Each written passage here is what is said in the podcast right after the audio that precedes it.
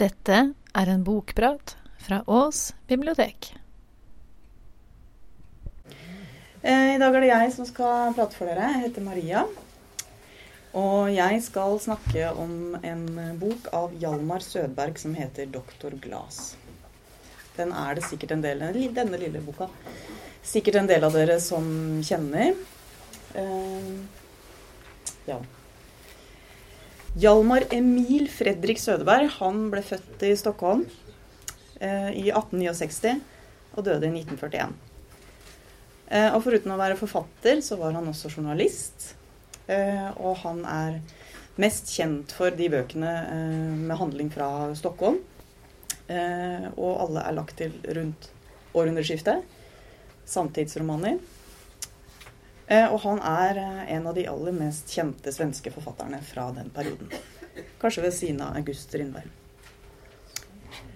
Og Sødeberg han skrev fire romaner eh, foruten skuespill og kortprosa. Og de het 'Forvillelser', 'Martin Birks ungdom', 'Doktor Glas' og 'Den alvorsomme leken'. Og en av, Nå har det blitt skrevet veldig veldig mye om Hjalmar Sødeberg. Jeg har ikke lest alt det.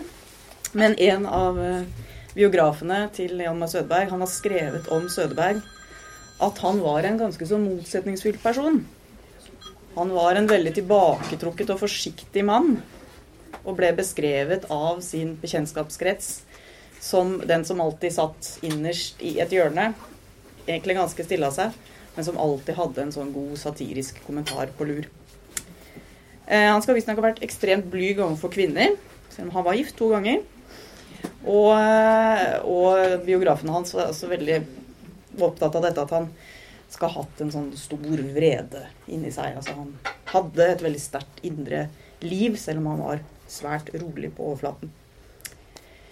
Og det passer egentlig ganske greit som en innledning til den boka her. For akkurat den her blandingen av motsetninger, stille, rolig, reservert overflate og et voldsomt trykk innvendig, det tror jeg vi kan si beskriver hovedpersonen i denne boka, doktor Glass. Det er en dagbokroman. Den kom ut i 1909. Den har et veldig sånn kort eh, tidsspenn. Så doktor Glass han skriver dagbok, og vi følger han fra juni et år til oktober samme året. Og hans fulle navn er altså da Tycho Gabriel Glas. Navn. Lege i begynnelsen av 30-åra. Ugift. Og med egen praktikk. Tenkte jeg vi skulle lese litt fra ganske tidlig i boka.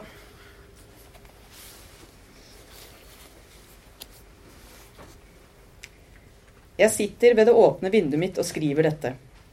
For hvem? Ikke for en venn og ikke for en venninne, knapt nok for meg selv engang, for jeg leser ikke i dag hva jeg skrev i går, og jeg kommer ikke til å lese dette i morgen. Jeg skriver for å bevege hånden, tanken beveger seg av seg selv, jeg skriver for å slå i hjel en søvnløs time. Hvorfor får jeg ikke sove? Jeg har jo ikke begått noen forbrytelse. Det jeg skriver ned på disse arkene, er ikke noe skriftemål. For hvem skulle jeg skrifte for? Jeg forteller ikke alt om meg selv. Jeg forteller bare det jeg har lyst til å fortelle. Men jeg sier ingenting som ikke er sant. Jeg kan jo ikke lyve bort min sjels elendighet, hvis den er elendig. Der ute henger den store blå natten over kirkegårdens trær. Det er stille i byen nå. Så stille at sukkene og hviskningene fra skyggene der nede trenger seg helt hopp hit og en og annen skjære skjærer en frekk latter igjennom. Jeg kjenner det som om ingen i verden i dette øyeblikk kan være ensommere enn jeg. Jeg, medisinsk lisensiat Tycho Gabriel Glas, som av og til hjelper andre, men aldri har kunnet hjelpe meg selv, og som i en alder av 33 år aldri har vært nær en kvinne. For et yrke! Hvordan kunne det skje at jeg av alle næringsveier valgte den som passet meg dårligst? En lege må være ett av to. Menneskevenn eller ærgjerrig. Det stemmer, på den tiden trodde jeg at jeg var begge deler. I dag var nok en gang en liten kvinne her, som gråt og tigget og ba om at jeg skulle hjelpe henne. Jeg har kjent henne i flere år. gift med en liten tjenestemann, 4000 i år eller noe slikt, og tre barn. Barna kom slag i slag de tre første årene. Siden har de vært forskånet i fem eller seks år. Hun har vunnet tilbake en smule helse og krefter og ungdom, og hjemmet har hatt tid til å komme i orden, til å reise seg litt etter ulykkene. Det er knapt med brød, naturligvis, men det virker nå likevel som det går. Så med ett er ulykken der igjen. Hun gråt så mye at hun nesten ikke kunne snakke.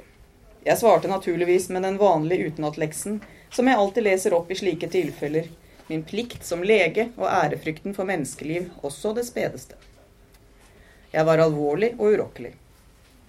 Så ble hun til slutt nødt til å gå, skamfull, forvirret, hjelpeløs. Jeg skrev tilfellet ned. Det var det attende i min praksis, og jeg er ikke engang kvinnelege. Det første glemmer jeg aldri. Det var en ung pike, 22 eller der omkring, en stor og mørkhåret, litt vulgær ung skjønnhet. Man så med ett at hun var av det slaget som har befolket jorden på Luthers tid. Hvis han nå hadde rett da han skrev det er like umulig for en kvinne å leve uten en mann som det er å bite av seg nesen. Tykt borgerlig blod. Faren var en velstående handelsmann, og jeg var huslege i familien, derfor kom hun til meg. Hun var oppskaket og ute av seg, men ikke mye blyg. Redd meg, ba hun, redd meg. Jeg svarte med plikten etc., men det var tydeligvis noe hun ikke forsto. Jeg forklarte henne at loven ikke forsto spøk i slike tilfeller. Loven? Hun så bare spørrende på meg. Jeg rådet henne til å betro seg til moren sin. Så snakker hun med faren din, og så blir det bryllup. Å nei, min forlovede eier ingenting, og far vil aldri tilgi meg. De var ikke forlovet. Hun sa forlovede bare fordi hun ikke fant noe annet ord. Elsker er et romanord som lyder uanstendig når man snakker. Redd meg har det ingen barmhjertighet. Jeg vet ikke hva jeg skal gjøre. Jeg kaster meg i Norrstrøm.» Jeg ble litt utålmodig. Hun fikk meg heller ikke til å føle noe særlig medlidenhet. Slikt ordner seg jo alltid når det bare finnes nok penger. Det er bare stoltheten som må lide en smule. Hun hulket og snøt seg og snakket forvirret, og til slutt kastet hun seg ned på gulvet og sparket og skrek. Nå, det gikk naturligvis som jeg hadde trodd. Faren, en rå lømmel, ga henne et par ørefiker, fikk henne siden i fykende fart gift med den medskyldige og sendte dem av sted på bryllupsreise. Slike tilfeller som hennes har aldri skaffet meg hodebry. Men det gjorde meg vondt å se den lille bleke kvinnen i dag. Så mye lidelse og elendighet for en så liten glede. Aktelsen for et menneskeliv, hva er det i min munn annet enn gement hykleri, og hva annet kan det være for den som nå da har tilbrakt en ledig stund med å tenke? Det myldrer jo av menneskeliv. Og fremmede, ukjente, usette menneskeliv har aldri noen for alvor tatt det ringeste hensyn til, kanskje med unntak av noen altfor påtakelige narraktige filantroper. Man viser det i handling. Alle regjeringer og parlamenter i verden viser det. Og plikten, hvilken fortreffelig skjerm å krype bak for å slippe å gjøre det som bør gjøres. Men man kan jo ikke heller sette alt på spill stilling, anseelse, fremtid for å hjelpe fremmede og likegyldige mennesker. Å regne med at de holder tett, ville være lovlig barnslig. En venninne kommer i samme knipe, så hviskes det et ord om hvor hjelp er å få, snart er man kjent. Nei, det er best å holde seg til plikten, selv om den er en malt kulisse som Potemkins byer. Jeg er bare redd for at jeg skal lese opp pliktformularet mitt så ofte at jeg til slutt tror på det selv. Potemkin bedro bare, sin, bedro bare sin keiserinne. Hvor mye forakteligere er det ikke å bedra seg selv? Stilling, anseelse, fremtid. Som jeg ikke hver dag og hvert øyeblikk er beredt på å pakke disse kolliene om bord på det første og beste skip som kommer lastet med handling. En virkelig handling. Ja, et lite innblikk i Dr. Glads hverdag der, altså. Um, veldig veldig tidlig så skjønner vi at dr. Glass han er faktisk ganske interessert i å bryte ut av denne stillferdige tilværelsen. Og han har jo ganske sterke meninger, som dere hører. Um, han drømmer om å gjøre noe stort. Han drømmer om å handle. Men det er veldig vanskelig for han, for han er en ganske forsiktig og tilbakeholden mann. Han, han har ingen uh, nære relasjoner. Og et sted så skriver han at det er som en glassvegg mellom han og resten av eh, tilværelsen. Men på innsiden, inni dr. Glass sitt hode, så foregår det veldig, veldig mye. Så kommer det en pasient til til dr. Glass sitt kontor. Eh, og det er en ung og veldig tiltalende og ikke minst vakker eh, prestefrue som heter Helga Gregorius. Og hun vil først ikke helt ut med hva det er hun har kommet eh, for, men eh, hun eh, må til slutt fortelle det, og det er det at hun vil at dr. Glass skal finne på en eller annen unnskyldning, sånn at hun slipper å ha seksuelt samkvem med sin mann. For hun er altså gift med en pastor, pastor Gregorius, som er mye eldre enn henne selv.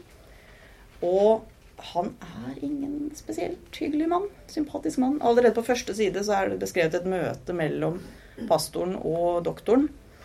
Hvor, eh, hvor vi skjønner at doktoren har eh, ikke liker pastoren i det hele tatt. Han er rett og slett ganske så heslig. Så det er det ærendet hun kommer i. Jaså. Fru Gregorius. Så var det ærende. Det var litt uvanlig, må man si. Hun kom sent denne gangen, mottakelsestiden var forbi, og hun satt alene igjen i venteværelset. Hun kom inn til meg meget blek, hilste og ble stående midt i rommet.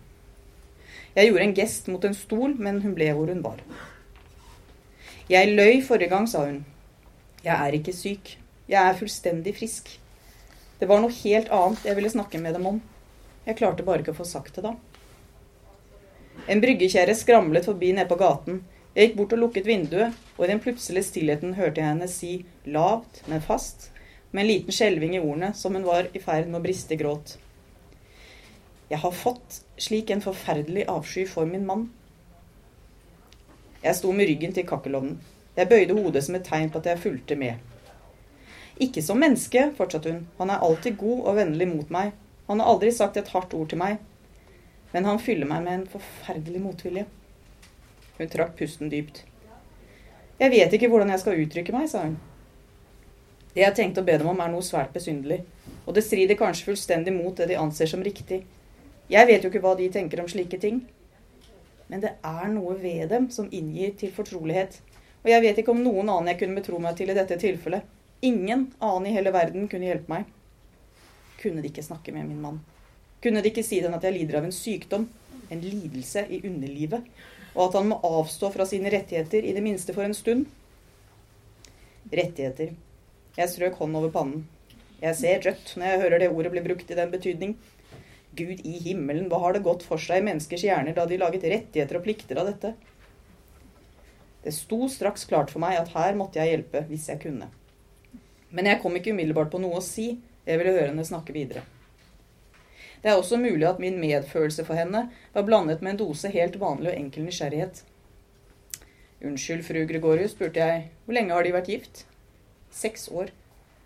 Og har det de kaller deres manns rettigheter, alltid vært like vanskelig for dem som nå? Hun rødmet litt. Det har alltid vært vanskelig, sa hun. Men nå i det siste er det blitt uutholdelig for meg. Jeg klarer ikke mer. Jeg vet ikke hva det skal bli av meg hvis dette fortsetter. Men, falt jeg inn, eh, pastoren er jo ikke lenger ung. Det forbløffer meg at i en slik alder kan volde dem så mye besvær. Hvor gammel er han egentlig?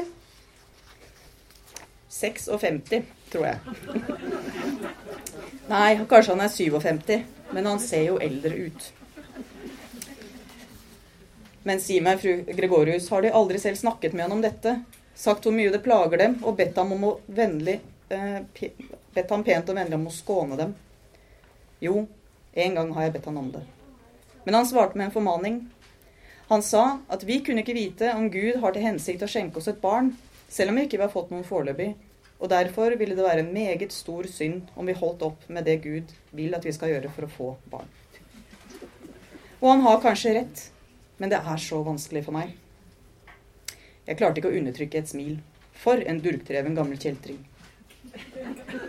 Hun så smilet mitt, og jeg tror hun misforsto det.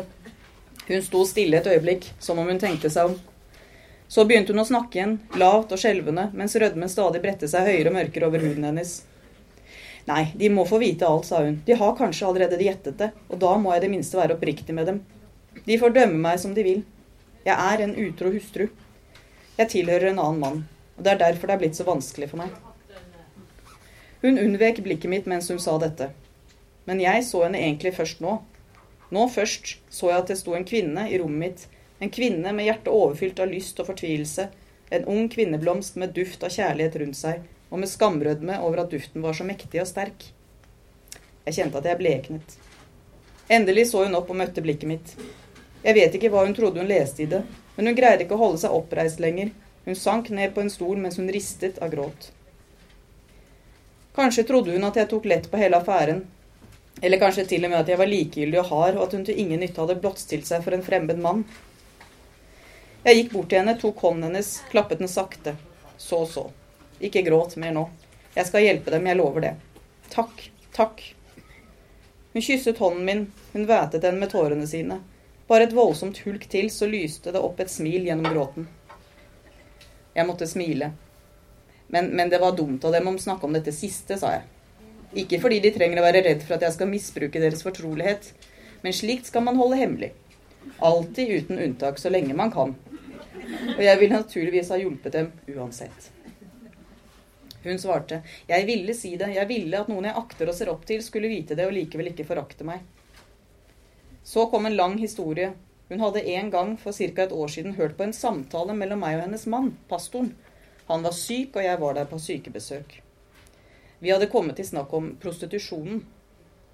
Hun husket alt jeg hadde sagt, og gjentok det for meg. Det var noe meget enkelt og banalt. Disse stakkars pikene er også mennesker og bør, som, og bør behandles som mennesker, osv.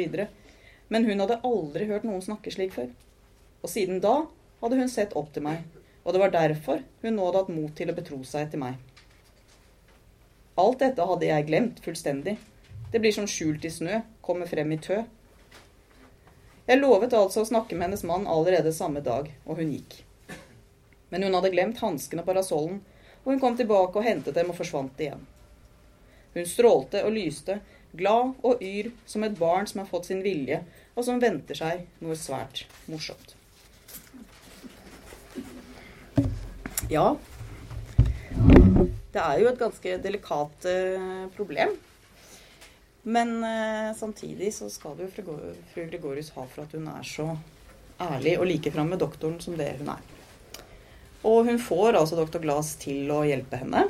Eh, doktor Glass snakker med hennes mann, finner på noen rare greier. Eh, og eh, pastoren han går med på å være avholdende for en stund. Og så går det jo sånn at dr. Glass han eh, forelsker seg jo veldig i denne, i denne prestefruen. Og det blir viktigere og viktigere for han å eh, holde pastoren unna og hjelpe henne med dette her. Og det at hun har en elsker, det, det er nå som det er. Men han, eh, han klarer allikevel ikke da å befri seg fra disse følelsene. Og jo mer følelser han får for pressefruen, jo mer begynner han å avsky pastoren.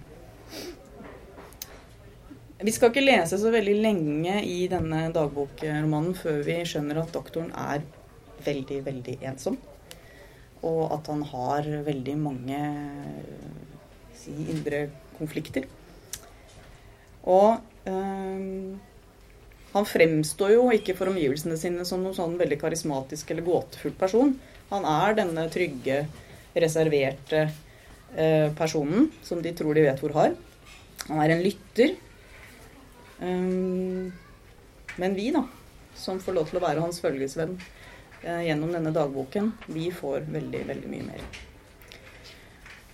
Og så er det I etterordet til boka så står det veldig fint For for det er egentlig helt unikt. Altså, du kommer ekstremt tett på. Eh, det blir veldig intimt og veldig nært. Og han som skrev, jeg ikke hva han, heter, han som skrev etterordet i boka, han beskriver det veldig fint. da. Altså Man får en følelse av at denne vennlige og ironiske, vittige og menkolske forfatteren lenge har ventet på å få en anledning til å henvende seg til akkurat deg. Eventuelt at lesningen markerer fortsettelse på en samtale du hadde med han i forgårs, eller når det nå må ha vært. Det her refereres riktignok til forfatteren, men, men, sånn er det. Det er sånn du opplever det når du leser eh, doktorens eh, dagboksnotater. Um, men han skriver ikke bare om uh, pasientene sine. Han har uh, veldig mange betraktninger og tanker om liv og eksistens generelt. Så dette har også, ved siden av å bli kalt en dagboksroman, blir kalt en, en psykologisk eh, roman. Eh, og Dr. Glass han har en veldig sånn sterk trang og higen etter mening og sannhet i livet.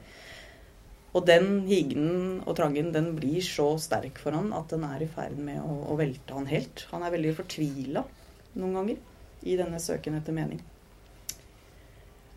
Eh, og, dette, og, dette, hatet mot denne pastoren, da, det, det øker og øker. Eh, så det er kanskje ikke altså Etter hvert så Eller eh, lenge så bare Så hjelper han prestefruen ikke sant, så godt han klarer. Men så ser han at dette går jo ikke i lengden, hva skal vi gjøre nå? Og så begynner han å få litt sånne merkelige tanker om kanskje denne pastoren kan settes helt ut av spill. Eh, han begynner å drømme, han våkner opp eh, feberhet og, og, svett av at han har eh, myrdet pastoren i drømme. Og etter hvert så begynner liksom dette å bli mer og mer virkelig, da. Og han begynner å tenke på hvordan han skal kunne ta livet av pastoren. Med sine egne giftpiller som han har holdt av til seg selv til den dagen han kanskje selv ville tatt en giftpille.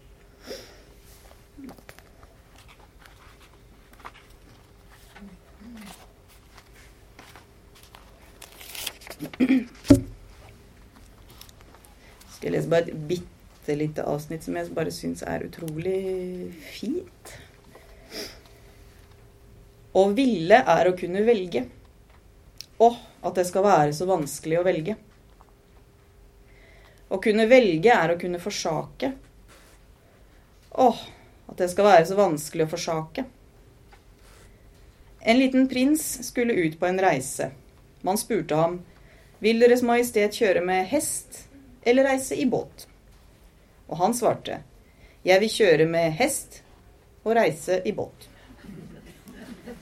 Alt vil vi ha, alt vil vi være.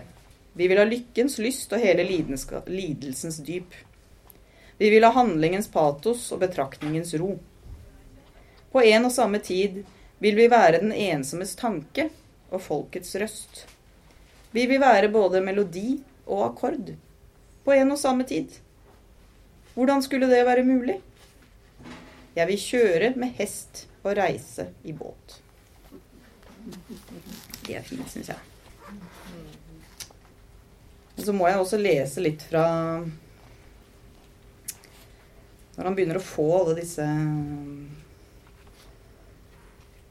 tankene, da. Om denne pastorens mulige endelikt.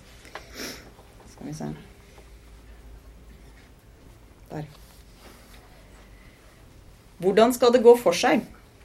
Det har jeg visst lenge. Tilfellet har sørget for at løsningen på problemet så godt som gir seg selv. Cyankaliumpillene mine, som jeg en gang i tiden gjorde i stand uten en tanke på noen andre enn meg selv, skal naturligvis nå få gjøre tjeneste. Én ting sier seg selv. Eh, det går ikke å la han ta den hjemme hos seg selv. Hos meg må det skje. Det blir ikke behagelig, men jeg ser ingen annen utvei, og jeg vil ha en slutt på dette. Hvis han tar en pille hjemme på min ordinasjon og kreperer like etterpå, er det å frykte at politiet muligens kan konstruere en sammenheng mellom disse to kjensgjerningene. I tillegg kunne den som jeg ville redde, lett bli mistenkt og innblandet og tilsmuset med skitt for livstid, kanskje dømt for mord. Naturligvis bør ingenting skje som, som kan være egnet til å gjøre politiet urolig. Ingen får vite at presten har fått noen piller. Han må dø en helt naturlig død av hjerteslag og hun får heller ikke vite noe annet. At han dør hos meg, er naturligvis litt fatalt for min anseelse som lege, og kommer til å gi mine venner stoff til dårlige morsomheter, men det får stå til. Han kommer opp til meg en dag og snakker om hjertet sitt eller noe annet sludder, og vil ha det konstatert at han er bedre etter badekuren. Ingen kan høre hva vi snakker om, den store, tomme stuen ligger mellom venteværelset og mottakelsesrommet mitt. Jeg lytter og banker, forklarer at han er betydelig bedre, men at det uansett er en ting som uroer meg litt. Jeg tar fram pillene mine, forklarer at dette er et nytt middel mot visse hjertesykdommer, et navn får jeg vel også finne på, og råder ham til å ta en med det samme. Jeg byr ham på et glass portvin til å skylle det ned med. Drikker han vin? Ja visst, jeg har hørt han eh, Jeg har hørt ham støtte seg til bryllupet i Kana. Han skal få litt god vin. grøstets skittengrå. Jeg ser han for meg. Han lepper først litt til vinen, så legger han pillen på tungen, tømmer glasset og skyller den ned. Brillene speiler vinduet og skjuler blikket hans. Jeg snur meg bort, går til vinduet og ser ut mot kirkegården, står og trommer på ruten. Han sier noe, at det var en god vin, f.eks., men stanser halvveis i setningen. Jeg hører et dunk. Han ligger på gulvet. Men hvis han ikke vil ta pillen Å, han tar den som den lekkebisken. Han svermer for medisin. Ja, men hvis Ja, da kan jeg ikke gjøre noe med det. Da får det heller være. Jeg kan ikke slå ham i hjel med en øks. Han ligger på gulvet. Jeg rydder unna pilleesken og vinflasken og glasset. Jeg ringer på Kristin. Pastoren er syk, et besvimelsesanfall. Det går snart over. Jeg kjenner på pulsen, på hjertet. Det er et slaganfall, sier jeg til slutt. Han er død. Jeg telefonerer til en kollega. Ja. Til hvem? La meg tenke. Den duger ikke.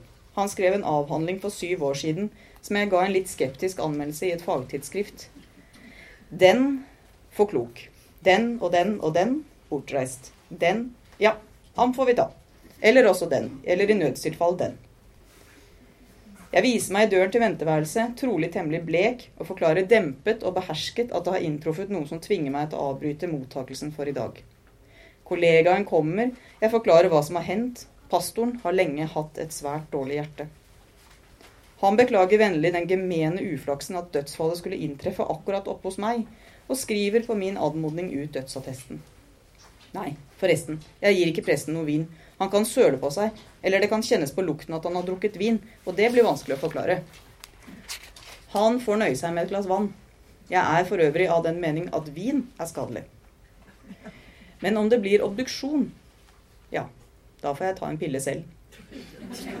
Det er en illusjon å tro at man kan innlate seg på et foretakende av dette slaget uten noen risiko. Det har jeg visst hele tiden. Jeg må være forberedt på alt. Egentlig krever jo situasjonen at jeg selv ber om obduksjon. Noen andre vil jo knapt gjøre det. Ja, det vet jeg forresten ikke. Jeg sier til min kollega at jeg har tenkt å be om obduksjon, og han svarer formodentlig at det saklig sett naturligvis er unødvendig, siden dødsårsaken er klar, men at det kan være riktig for formens skyld. Siden lar jeg spørsmålet falle. Uansett er det i alle fall en brist i planen her. Jeg får tenke litt nærmere over det. Man kan forresten ikke ordne alle detaljer på forhånd, noe vil tilfeldighetene forandre, og litt får man stole på sin improvisasjonskunst. Ja. Ehm. Det blir jo ofte litt eh, kontroverser av bøker som eh, lefler med tanke om eh, mord. Ikke, det fins jo en flust av krimbøker, så det er ikke det jeg mener. Men, men denne boken her kom ut i 1905. Eh, og den fikk strålende kritikker for sin stil. Altså den fikk veldig gode eh, Den ble vel mottatt av litteraturkritikere. Men de var veldig veldig, veldig skeptiske til det han skrev om. Og de skjønte ikke hvordan han kunne skrive en sånn bok eh, med en hovedperson som tok så lett på det å, å planlegge et mord eller ta et annet liv. Litt overraskende, egentlig, men det var det det, det står nå så. Eh, særlig med tanke på at eh, ikke så veldig mye før så kom jo 'Forbrytelse og straff' av Fjodor Dostojevskij. Eh, som for øvrig denne boka her blir litt sammenlignet med. Hvor hovedpersonen Raskolnikov jo begår et mord på pantlånersken sin og hennes søster. Um, det er i alle fall en roman som vakte mye oppsikt når den kom, og den har liksom ikke sluppet siden. Eh, den har blitt filmatisert opptil flere ganger. Og dramatisert uendelig mange ganger. Og den er en veldig sentral del av den svenske litterære kanon. Og det, er, det virker som på meg eh, at det her er en bok som veldig veldig mange svensker har et forhold til. Altså, det er sikkert noe de, en bok de har på videregående eller ungdomsskolen eller har som pensum opp gjennom uh, skolegangen sin. Så det er liksom en del av deres kulturelle rammeverk. Eh, og det skjønner jeg veldig godt, for dette er en utrolig god bok.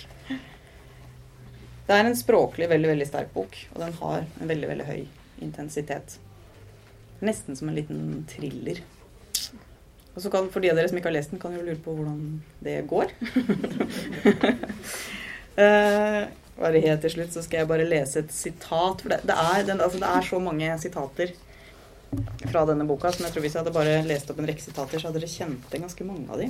Men jeg tror kanskje dere vil kjenne igjen det her, som jeg tror er det mest kjente sitatet. Um, man vil bli elskad, i brist derpå beundrad, i brist derpå fryktad, i brist derpå avskydd og foraktad. Man vil gi ingiva människorna något slags känsla. Sjelen ryser för tomrummet och vil ta kontakt til hva pris som helst. Ja, takk for meg.